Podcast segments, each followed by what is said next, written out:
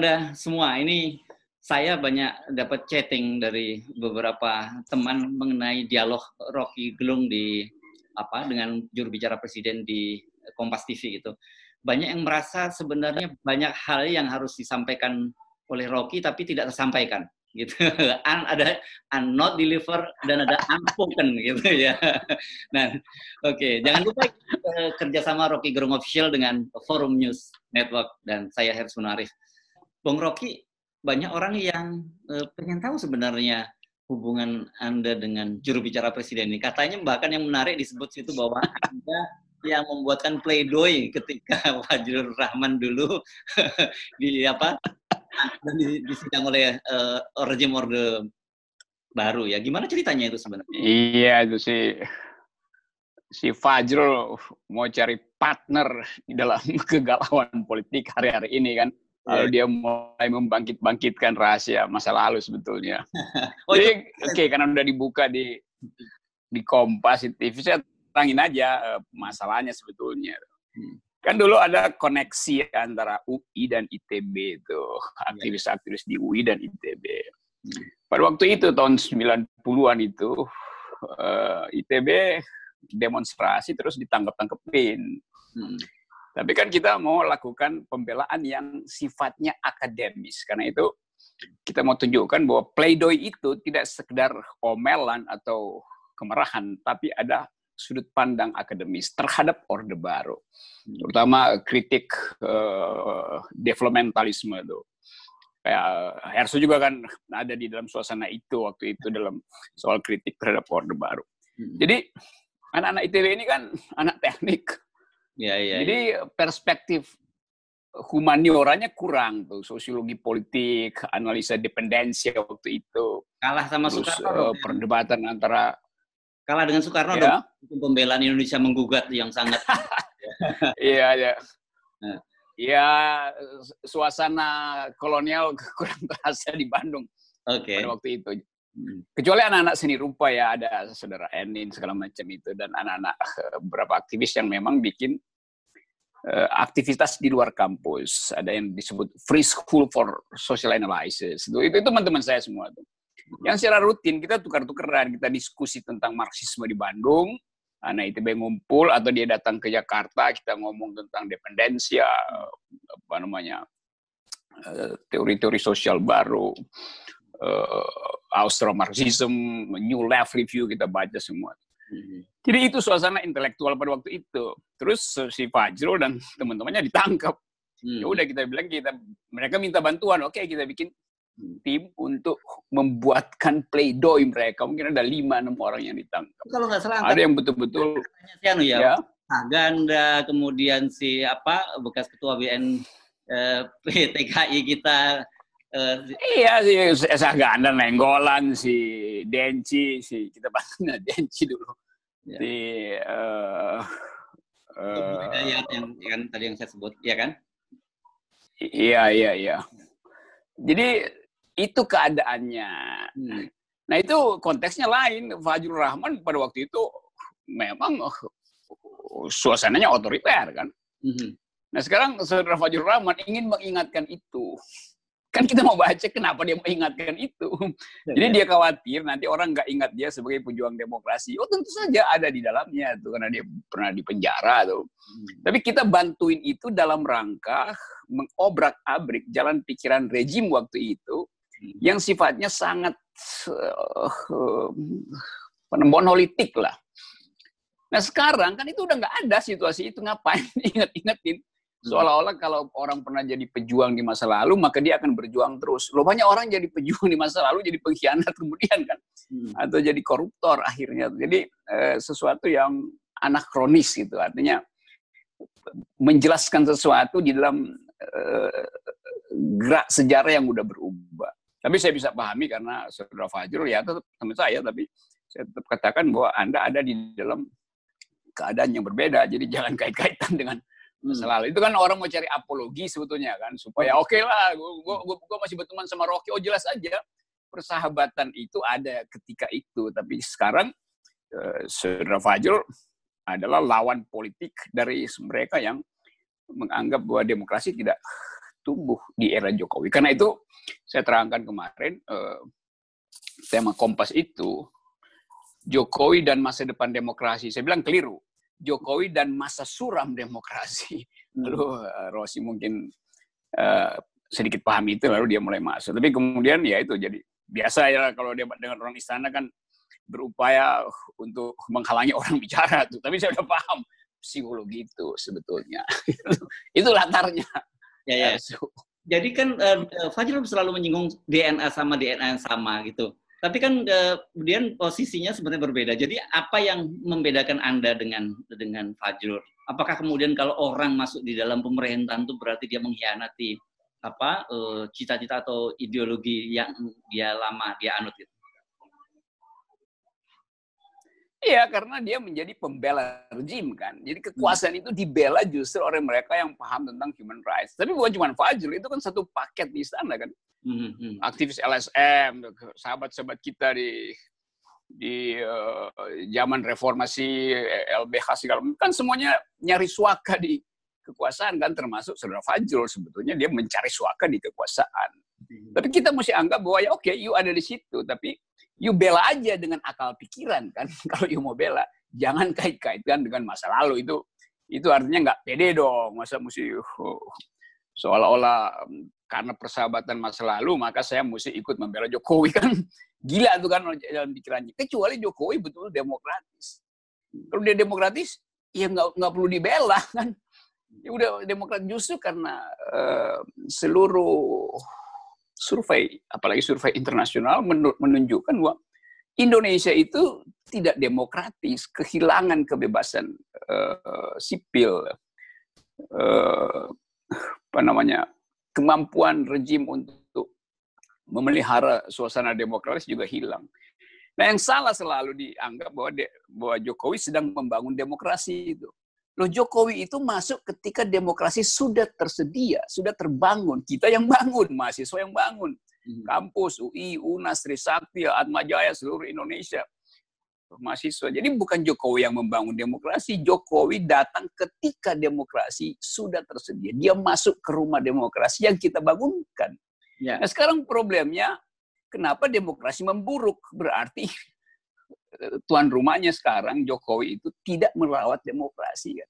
Jadi ya. logika ini yang mau saya terangkan itu. Ya. Kalau kita lihat sebenarnya okay. orang seperti Jokowi itu harus berterima kasih dan merawat demokrasi karena rasanya tidak mungkin dalam tidak dalam alam yang tidak demokratis orang seperti Jokowi bisa terpilih gitu ya, Rocky. Iya kan, tapi orang suka anggap ya kalau nggak demokrasi berarti uh, saudara Rocky atau saya Didu nggak bisa ngoceh-ngoceh. Ya buktinya saya Didu ngoceh-ngoceh ditangkap. Tapi kok anda kan nggak ditangkap saudara Rocky? Ya saya nggak nggak punya nggak punya uh, variabel lain selain mengkritik. Nah orang kemudian karena saya Didu pernah jadi uh, petinggi di BUMN maka dia yang dihajar. Mungkin kalau saya juga pernah jadi petinggi ya dihajar juga kan. Di nah, situ yang saya sebut kepengecutannya tuh. Maksudnya bukan bukan ditangkap ya, dilaporkan, dilaporkan dan dipanggil oleh polisi ya. Iya itu. Hmm. Ya itu maksudnya dikerjain lah gitu. Okay. Karena kemudian dikait-kaitan lah Said Didu ini ada soal privat ini segala macam. Lo ini Said Didu itu mengucapkan sesuatu dalam rangka memperbaiki alur berpikir demokratis yang dikacaukan oleh kebijakan politik menteri kebijakan politik kabinet maka dikritik tapi kemudian iya tapi kan dia ada problem ini ini urusan apa itu jadi orang akhirnya campur jadi kalau anda pernah punya dosa misalnya ya. pernah uh, melakukan sesuatu yang secara publik masih simpan rahasia-rahasia padahal sebetulnya itu rahasia yang dibuat-buat lalu itu yang dibongkar misalnya kan kan nggak nggak fair gitu dalam perpolitikan. Kalau itu sama seperti ya berapa waktu saudara lalu, Buton, saudara mahasiswa. Berapa waktu lalu kan sempat ya. juga bongkar-bongkar katanya rahasia pribadi Anda, tapi ternyata kata Rocky itu sih bukan rahasia gitu. itu reputasi kalau pribadi gitu ya. ya itu soal itu kan. Nah, itu kan kerjaan yang kerjaan baser kan, baser yang memang disewa untuk bongkar-bongkar orang. Ya, ya saya, banyak orang sebenarnya yang punya reputasi bagus yang tidak tidak bisa dibongkar, maka mereka cari reputasi buruknya. Lo reputasi buruk itu kan dalam perbandingan tuh. Nggak bisa ada orang reputasi buruk semuanya lalu nggak eh, itu yang dieksploitasi. Yang ada soal juga reputasi buruk ya reputasi privatnya yang buruk. Semua orang bisa punya reputasi baik dan buruk secara privat. Tapi reputasi publik itu tidak boleh dibatalkan oleh sesuatu yang dibuat-buat untuk mencegah orang memberi kritik. Kan hmm. itu yang terjadi. Jadi rejim pengecut sebetulnya tuh. Kalau dia mahasiswa, mahasiswa rentan karena itu di, diancam. Kalau nggak mempan orang tuanya dipanggil. Nah, kalau misalnya ada kejadian semacam itu kan, itu kita tunjukkan bahwa ya ini pemerintah cuma berani pada yang lemah gitu atau yang punya punya posisi uh, subordinat itu begitu itu itu, itu pengecut sebetulnya kekuasaan ini pengecut.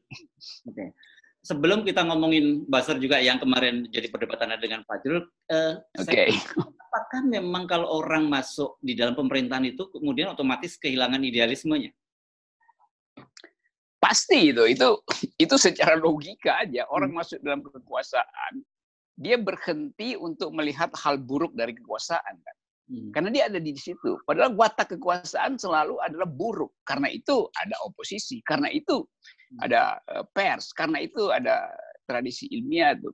Hmm. Jadi prinsip bahwa kekuasaan itu akan bagus itu adalah prinsip yang keliru di dalam keadaan sekarang. Dulu kekuasaan disebut sebagai bagus karena harus menghasilkan justice. Tapi karena ada soal uh, pertukaran material, pertukaran kepentingan, maka kekuasaan memburuk. Nah, itu keburukan itu yang mesti dikontrol. Nah, sialnya Pak Jokowi kemarin juga pidato bahwa eh, demokrasi kita adalah demokrasi gotong royong yang berbeda dengan demokrasi yang lain, yaitu sama-sama membangun. Tidak perlu ada oposisi itu.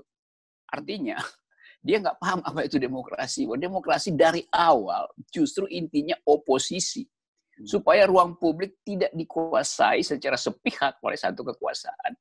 Kalau nggak ada oposisi berarti nggak ada pertukaran rezim kan.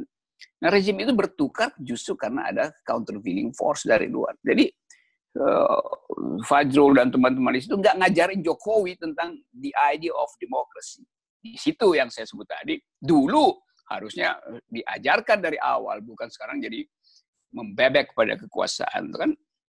Atau jangan membebek lah membeo tuh. Bebek masih bisa melawan, kalau beo enggak ini saya perlu bikin klarifikasi dulu. Apakah dengan begitu semua kekuasaan itu itu buruk dan kemudian otomatis kita harus ada kelompok-kelompok yang selalu mengontrol kekuasaan itu atau sebenarnya ada kecenderungan gitu, bukan bukan semua kekuasaan buruk. Jadi kan selalu uh, tend to corrupt gitu, power tend to corrupt. Iya. Yeah. Sebetulnya di dalam pelajaran political ethics itu Aristoteles, Socrates segala macam itu selalu dianggap bahwa kekuasaan itu hanya dimaksudkan untuk mendistribusikan keadilan. Jadi ethically speaking, kekuasaan itu selalu baik. Karena mesti ada fasilitas untuk mendistribusikan keadilan. Hmm. Tapi dalam perkembangan waktu, kekuasaan yang tidak dikontrol, dia menjadi buruk.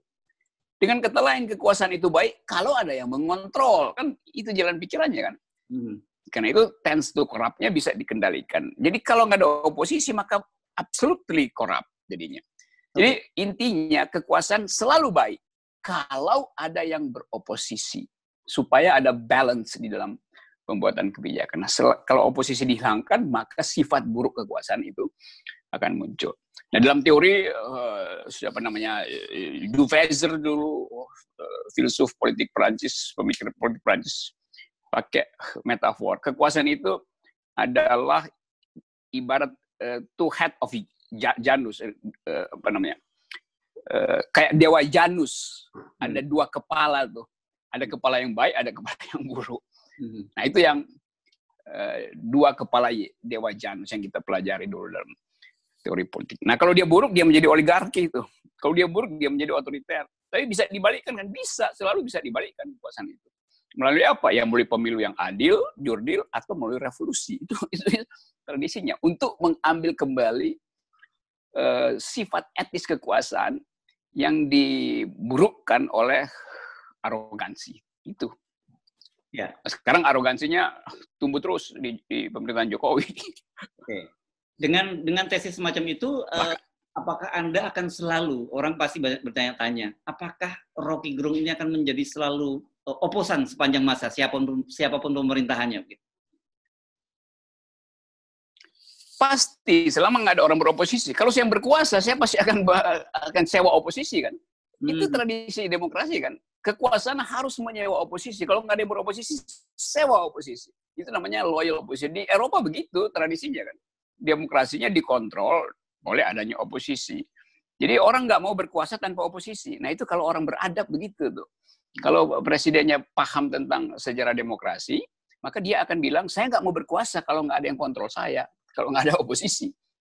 Itu, nah di, negara-negara yang udah demokratis itu it goes without saying, orang nggak perlu lagi uh, menyebutkan itu, karena dengan sendirinya masyarakatnya sudah argumentatif. Jadi dikontrol dengan culture dengan political culture yang betul-betul paham bahwa power tidak boleh korup karena itu dia mesti di diasuh melalui politik oposisi itu. Nah, di Indonesia nggak ada itu karena Jokowi akhirnya juga bypass semua prinsip oposisi. Kita gotong royong aja, gotong royong buat apa? Buat membesarkan kekuasaan kan itu ngaco tuh presiden. Oke, kalau logikanya menggunakan cara berpikir Anda, ini nanti eh, kan kita juga percaya bahwa kekuasaan itu akan menjadi baik kalau di tangan-tangan orang yang baik. Tapi ketika kemudian orang-orang baik hanya mengambil peran selalu menjadi oposisi, ini kan juga jadi kita tidak akan pernah mendapat pemerintahan yang baik dong, Bung Rocky. Iya, karena itu itu idealnya begitu akan ada di tangan orang yang baik. Enggak, saya nggak pernah percaya bahwa orang itu hmm. begitu ada di dalam sistem yang korup menjadi baik. Enggak, dia akan diarahkan oleh aura politik korup itu. Itu karena itu saya selalu katakan satu detik setelah kekuasaan terbentuk oposisi harusnya menjadi permanen. Jadi oposisi itu permanen dalam kekuasaan. Just, jadi kita mesti baca satu paket. Kekuasaan itu baik hanya bila bernafas bersama-sama uh, kaum oposisi itu. Kalau dia bernafas sendirian, dia akan tends to corrupt. Jadi oposisi biasa aja itu bukan sesuatu yang harus dihadirkan. Justru itu kebutuhan dari demokrasi itu oposisi itu. Nah, kita nggak mau ada oposisi karena takut nggak mampu berdebat. Nggak mau ada oposisi karena takut nanti motif korupsi dari kekuasaan dibongkar. Nggak mau ada oposisi karena takut nanti uh, persaingan politik diarahkan oleh orang yang anti Pancasila segala macam. Itu kan dibuat-buat asumsinya kan. Seolah-olah orang yang beroposisi pasti anti Pancasila. Lo justru yang berkuasa yang anti Pancasila karena tidak mau pakai oposisi. Oposisi prinsipnya ada di dalam Pancasila. Social justice itu diperlukan supaya ada oposisi. Ke, ke, kemanusiaan, humanisme itu adalah oposisi terhadap kekuasaan. Bahkan kalau kita mau ajukan semacam ya apologi, ya, sila pertama itu adalah oposisi.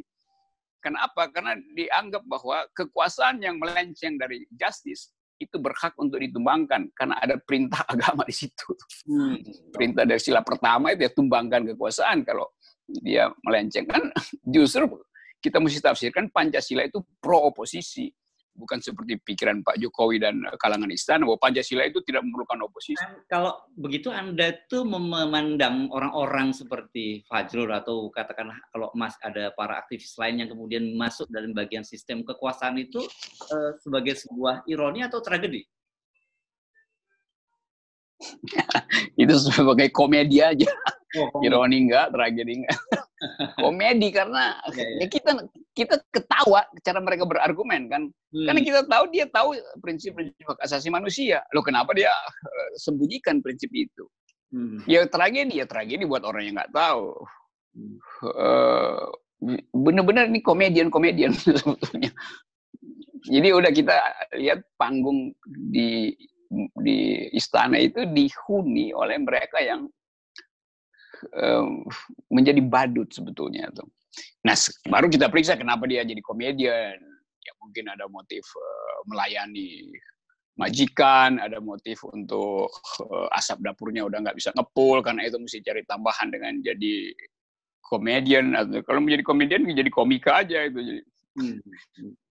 Jadi lebih menghibur. Iya punya kawan. iya itu ini ini ini ini soal kultur dan watak orang sebetulnya tuh. Berapa banyak orang yang ada di KSP itu yang dasarnya adalah dosen. Mm-hmm. Tapi dari awal memang kalau dia dosen, ya mestinya dia punya perspektif akademis yang kuat kan. Berargumen dengan uh, lingkungan itu yang sebagian mungkin tidak punya tradisi untuk berdebat. Tapi menatap muka penguasa KSP aja mereka nggak berani. Bagaimana mau berargumentasi dalam ruang rapat pasti dia nunduk gitu kan. Ya ya. Jadi soal soal kecupekan itu, kekecilan, kekecilan, kekerdilan mental. Nah karena dia nggak bisa berdebat di dalam, maka dia mulai cari cara untuk membuli teman-temannya di luar. Saya sering memberikan analogi bahwa kekuasaan itu seperti orang berdiri pada ketinggian gitu, Bung Rocky, dan kemudian dia mengalami disorientasi. Mm -hmm. Ketika di atas dia mengalami disorientasi, dia tidak bisa membedakan uh, mana benar mana salah karena oh, posisinya terlampau tinggi. Gitu. ya, itu artinya dia pergi ke puncak gunung nggak jalan kaki dia naik helikopter. Begitu tiba di puncak gunung dia keluar langsung uh, kekurangan oksigen. Nggak karena nggak ada melalui aklimatisasi. Tidak ada ak, tidak melalui aklimatisasi. Nah banyak kan begitu kan hmm. tiba-tiba di di atas puncak terus lihat ke bawah ya kakinya gemetar hmm. karena gemetar mulai dia jadi pembohong itu jadi ya itu betul uh, perumpamaan yang bagus itu karena Anda kan pendaki gunung. Nah, masalahnya sekarang dia nggak bisa turun. Dia nggak bisa turun pakai helikopter lagi. Oh. Karena helikopter dipakai untuk mengawasi Laut Cina Selatan. Ah, atau evakuasi korban bencana gitu ya. Ya. Oke, nah balik lagi ke diskusi yang kemarin di yang juga banyak ter, yang dipotong soal uh, buzzer dan sebagainya. Kan kemudian ditanyakan uh, saya juga jadi yeah. senyum-senyum karena bahasanya khas banget. Kalau ada bukti dilaporkan. Ini kok bahasa ini rasanya sering saya cukup akrab ya mendengar bahasa ini kan gitu. iya itu. Ya, coba silakan ada soal iya, itu. apakah anda punya bukti gitu. Iya kan itu saya bilang mau saya tunjukkan buktinya. Uh-huh. Karena saya itu dia akan ngomong kan. Kalau yeah. punya bukti silahkan itu kan. Ya. Tapi kan itu pancingan untuk kena delit lagi. Oh. saya sebut. Yeah. Tapi itu saya nangkap eh, cara berpikir itu. Bahkan kalau saya bilang, uh, kalau saya sebutkan Anda bisa jamin nggak? Tapi nggak ada gunanya kan, karena itu cuma retorik di situ aja tuh. Dan hmm. kalau punya bukti, itu saya seperti dengar uh, surah Fajr kemarin itu denyu ngabalin gitu kan. Oh, ada khas orang yang pepet, lalu defensif dengan cara begitu. Hmm. Mestinya kan kalau ada akal sehatnya di situ bilang, oke, okay, kalau lu punya bukti, rok lu WA gue deh, ntar gue proses tuh. Hmm. Bukan dengan ada, kalau punya bukti, itu artinya dia sebetulnya cuman uh, ya jadi jadi baser dari si baser sebetulnya kan.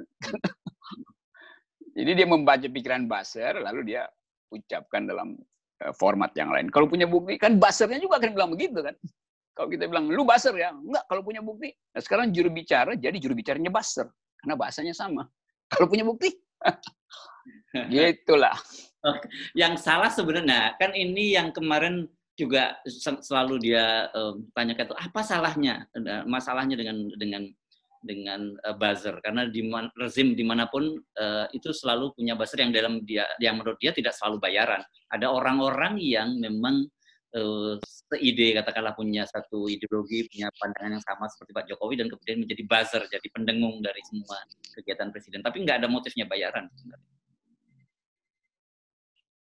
Ya buzzer itu kalau dia jadi kritisi, kritikus, ya pakai nama benar dong kasih kritik gitu kan. Hmm, ya. Tetapi yang terjadi kan buzzer ini memang disewa. Jadi di kita itu buzzer itu disewa untuk menghalangi orang mengkritik pemerintah. Itu hmm. itu nggak ada soal selama uh, menghalangi orang. Tetapi yang terjadi adalah dia melampaui tugas konvensional dari buzzer. Gitu. Hmm. Ya lindungi aja pemerintah. Tapi bukan dengan menyebarkan informasi palsu, bukan dengan mempersoalkan kehidupan pribadi orang lalu diputer-puter soal itu tersambung dengan uh, kritisismenya tuh. Jadi bagian ini yang saya tentang sebetulnya di karena itu kan yang dari awal presiden aja bilang Basir itu dibubarin dan berkali-kali presiden bertemu dengan uh, Basir-Basir itu tertutup atau tidak tertutup. Kan informasi itu kan kita dapat juga dari Basir yang kecewa kan. Ya, dan Tapi kan nggak nggak ada media juga kan pernah ya, ada media yang lama. Ya. Pernah ada media yang memuatnya kan? Pernah. Kan pernah media juga pernah memuatnya pertemuan-pertemuan itu gitu ya. Tapi bukan yang disebutnya sebagai influencer. Iya banyak. Iya itu influencer itu juga ya itu sama aja 11 12 dengan buzzer. PDIP aja kesel kan. Hmm. Mana nih kok uh, nego sama buzzer bukan nego dengan partai pendukung. Kan ada pikiran-pikiran begitu pada waktu pemilu kemarin. Jadi tetap buzzer itu itu sialnya saya ngerti eh, mengapa buzzer ini kemudian hanya memilih tokoh-tokoh tertentu untuk dibully karena mereka kenal betul tokoh-tokoh ini kan. Hmm. Kenapa? Karena mereka mantan wartawan. Oh, oke. Okay. Buzzer ada yang mantan wartawan, mantan wartawan dungu udah biasa nerima amplop, maka dia sekarang berubah fungsi di buzzer itu. Uh, ada bekas LSM yang juga kekurangan pengetahuan, pada akhirnya juga kekurangan uang jadi buzzer. Hmm. Ada mantan dosen jadi buzzer juga tuh. Ada mantan uh, surveyor jadi buzzer juga. Karena semuanya butuh uang. Hmm. Dia dia tidak tidak mampu untuk mengucapkan lagi profesionalitas dia sebagai jurnalis, sebagai akademisian, sebagai surveyor. Dia nggak bisa lagi mempertahankan metodologi eh, profesionalnya karena tergoda untuk jadi buzzer itu. Yeah. Nah, beberapa buzzer kemudian mulai sadar dan mulai bikin pengakuan kan eh, seminggu ini ada beberapa buzzer ya kita disuruh gini gini gini hmm. karena uangnya udah nggak mengalir maka dia mulai mulai membuka rahasia dengan motif apa? Motif sadar? Mungkin enggak. Motif supaya ditutup lagi mulutnya hmm. oleh oligarki yang bayar dia kan. Nah sekarang ini bukan cuma presiden piara bajer, dirjen aja piara bajer. Hmm. Menteri punya buzzer sendiri tuh. kan dengan mudah tapi buktikan tuh gampang aja buktikan tunggu aja nanti. Sekarang nanti lah kayak enak sekarang kita masih nikmati kedunguan di dalam perbajaran politik. Nah, ke, kalau dalam topik yang kemarin kan disebut masa depan eh, demokrasi eh, Jokowi dan masa de depan demokrasi, tapi Anda kemudian me yeah. membuat memplesetkannya menjadi masa suram demokrasi. Apa argumen Anda menyebutnya itu sebagai masa suram demokrasi? Kalau orang membicarakan demokrasi di masa Jokowi, kalau demokrasi nggak ada soal, maka orang nggak akan jadikan tema. Justru karena ada masalah, maka orang mulai meragukan masa depan demokrasi itu di masa Jokowi. Kan artinya demokrasinya tidak sehat sehingga orang membicarakan. Kalau sehat-sehat aja ngapain kita diskusi tentang masa depan demokrasi kan? Karena itu saya putar supaya nggak ada dusta, kita mesti sebut masa suram demokrasi di era Jokowi. Itu supaya kita bicara tuh. Kalau masa depan demokrasi itu pasti ada. Setelah Jokowi nanti demokrasi punya masa depan lagi kan. Justru sekarang tertahan. Karena orang nggak ngerti bahwa demokrasi Jokowi itu mesti dibandingkan dengan sebelumnya. Dengan zaman SBY ketika Fajrul Rahman maki-maki SBY setiap hari itu SBY tenang aja, nggak ada dia tangkap-tangkap. Di depan istana demo segala macam itu. Pada waktu itu kan Fajrul Rahman adalah oposan pada SBY. SBY nggak pernah lakukan sesuatu satu pun menangkap orang yang mengkritik dia tuh atau menyuruh menangkap atau kasih sphere of influence supaya aparatnya bekerja untuk menangkap. Yang sekarang kampus aja diawasi. Tapi argumen uh, istana selalu ya presiden tidak intervensi. Memang tidak intervensi. Tetapi rektornya itu adalah bawahan presiden. Dia akan berpikir kalau dia nggak larang nanti ada aparat presiden tegur dia. Ya. Nah, Untuk presiden nggak mungkin intervensi kampus. Lo mengangkat rektor di kampus itu sudah intervensi. Presiden menetapkan seorang jabatan profesor udah intervensi presiden menetapkan siapa yang layak jadi uh, rektor itu udah intervensi pada kebebasan akademik. Nah, yang begituan kan uh, mestinya ada forum yang lebih tertib untuk bicara itu bukan dengan segala ya nggak ada intervensi mana presiden punya waktu untuk mengintervensi kampus oh ya kalau begitu rektornya jangan diangkat oleh presiden dong dengan mengangkat rektor aja kebebasan akademis sudah terhalang kan Oke, okay. saya soal-soal itu soal-soal elementer yang orang nggak mau paham karena udah terbius oleh penjilatan, oleh fanatisme. Artinya seorang fanatik yang sekaligus jadi penjilat itu uh, merusak percakapan demokrasi itu. Ya. Saya akan coba mengikuti alur berpikirnya Fajrul yang mempertanyakan pada Anda Bung Rocky bahwa kok semua persoalan yang disalahkan oleh presiden. Jadi benar benar nggak logikanya bahwa loh presiden nggak tahu menahu soal masa presiden ngurusin oh, diskusi di UGM, masa presiden ngurusin di Unila, ngurusin di UI dan sebagainya begitu. Ya, logikanya eh, di mana salahnya ya, kalau kita pakai kabel, memang kabelnya nggak terlihat. Saya menyambungkan eh, HP saya lewat VGA pakai kabel gitu, maka kabelnya pasti terlihat. Saya mengintervensi uh, monitor TV itu dengan kabel HDMI. Kabelnya terlihat. Kekuasaan hari ini nggak pakai kabel, pakai remote, pakai WiFi. Jadi nggak terlihat yang disebut hegemoni itu nggak terlihat. Nah kalau misalnya eh, saudara Fajrul atau teman-temannya KSP segala macam, presiden nggak intervensi. Memang nggak intervensi karena nggak terlihat kabelnya. Tapi ada wifi-nya kan yaitu oke, okay, tolong beritahu pada rektor supaya eh, hati-hati nanti uh, berbahaya masa depannya. Ada rektor yang bersiap-siap untuk jadi menteri misalnya. Biasanya kan rektor mau jadi menteri pendidikan itu kalau dia uh, mengizinkan diskusi yang anti omnibus law, anti uh, ideologi Pancasila itu dia akan dicatat rekornya. Nah, itu udah intervensi yang tidak melalui kabel, yang tidak terlihat. Tapi dengan uh, sinyal. Kemarin Presiden juga kasih sinyal. Hati-hati, saya tahu tempat-tempatnya. Kita mau ke arah barat, ada yang ke utara, segala macam. Kan itu ancaman kan. Nah, keterangan Presiden akan ditafsirkan oleh buzzer-buzzer ini, oleh para penjilatnya, oleh kalangan rejim sebagai sinyal untuk menegur mereka-mereka yang tidak disebut secara eksplisit oleh Presiden. Kan? Tapi buzzernya udah tahu siapa yang disebut, maka dia mulai beroperasi melalui eh, jalur-jalur bawah tanah itu untuk mengancam, untuk membuli, untuk meneror segala macam. Sama seperti Pak Mahfud MD mengatakan, ya jangan takut diteror itu. Ya silakan aja diskusi terus. Oh jelas saja nggak ada orang yang takut diteror. Aktivis nggak takut diteror. Tapi menteror itu adalah pekerjaan kekuasaan. Mestinya Pak Mahfud bilang, cari siapa penerornya, bukan lawan. Kalau lawan itu urusan kita, itu urusan masyarakat sipil, pasti masyarakat sipil berani melawan. Tapi terornya sendiri itu itu buruk. Jadi jangan bilang biarkan aja orang eh, dia men menteror, kita lawan. Lo menteror itu nggak boleh karena itu memanfaatkan kekerasan di atas pikiran kan itu itu konyolnya. Saudara Mahfud juga akhirnya lama-lama jadi nyungabalin juga tuh kan soal-soal begituan. Anda Anda kenapa senang sekali sekarang menggunakan istilah new setelah new normal ini? Karena bahasa kekuasaan itu akhirnya saya cuma ingat ngabalin terus itu karena cuma ngabalin yang berbekas di saya ada, lucunya. Hmm. Tapi ya kapasitas lucunya itu akhirnya membuat dia jadi komedian yang tidak lucu itu.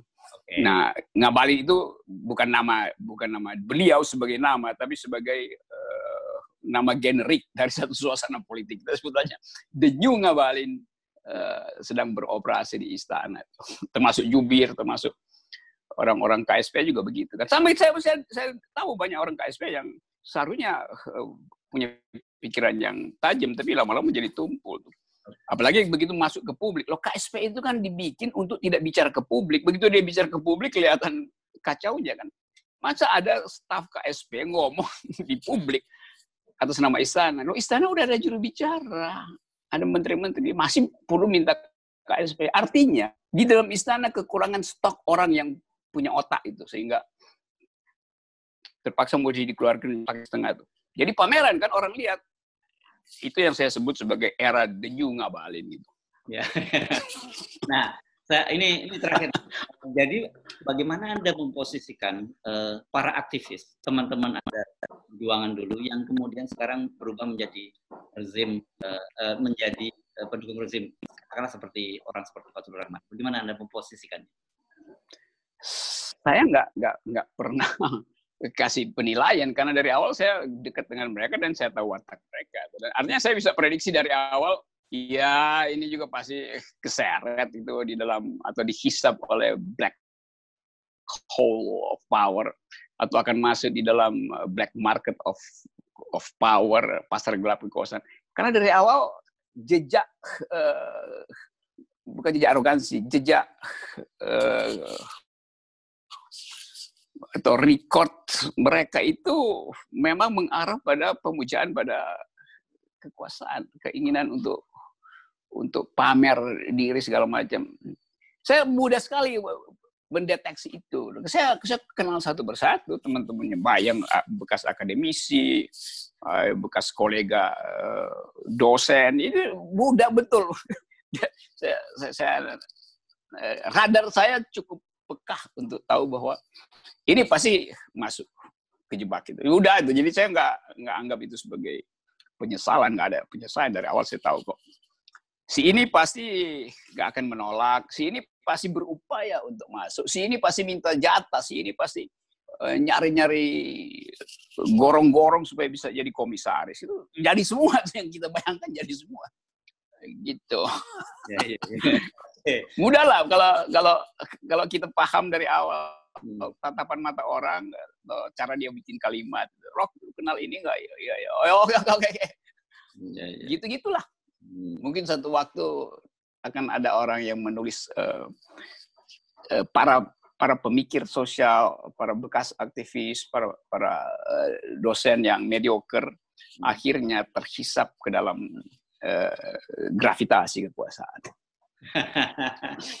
Oke, ini lain kali kita memandang pada Rocky Gerung. karena gue mah santai-santai aja oh, dia bisa ah, okay. masa depan. Bukan bukan masa depan demokrasi tapi masa depan seseorang di dalam kekuasaan.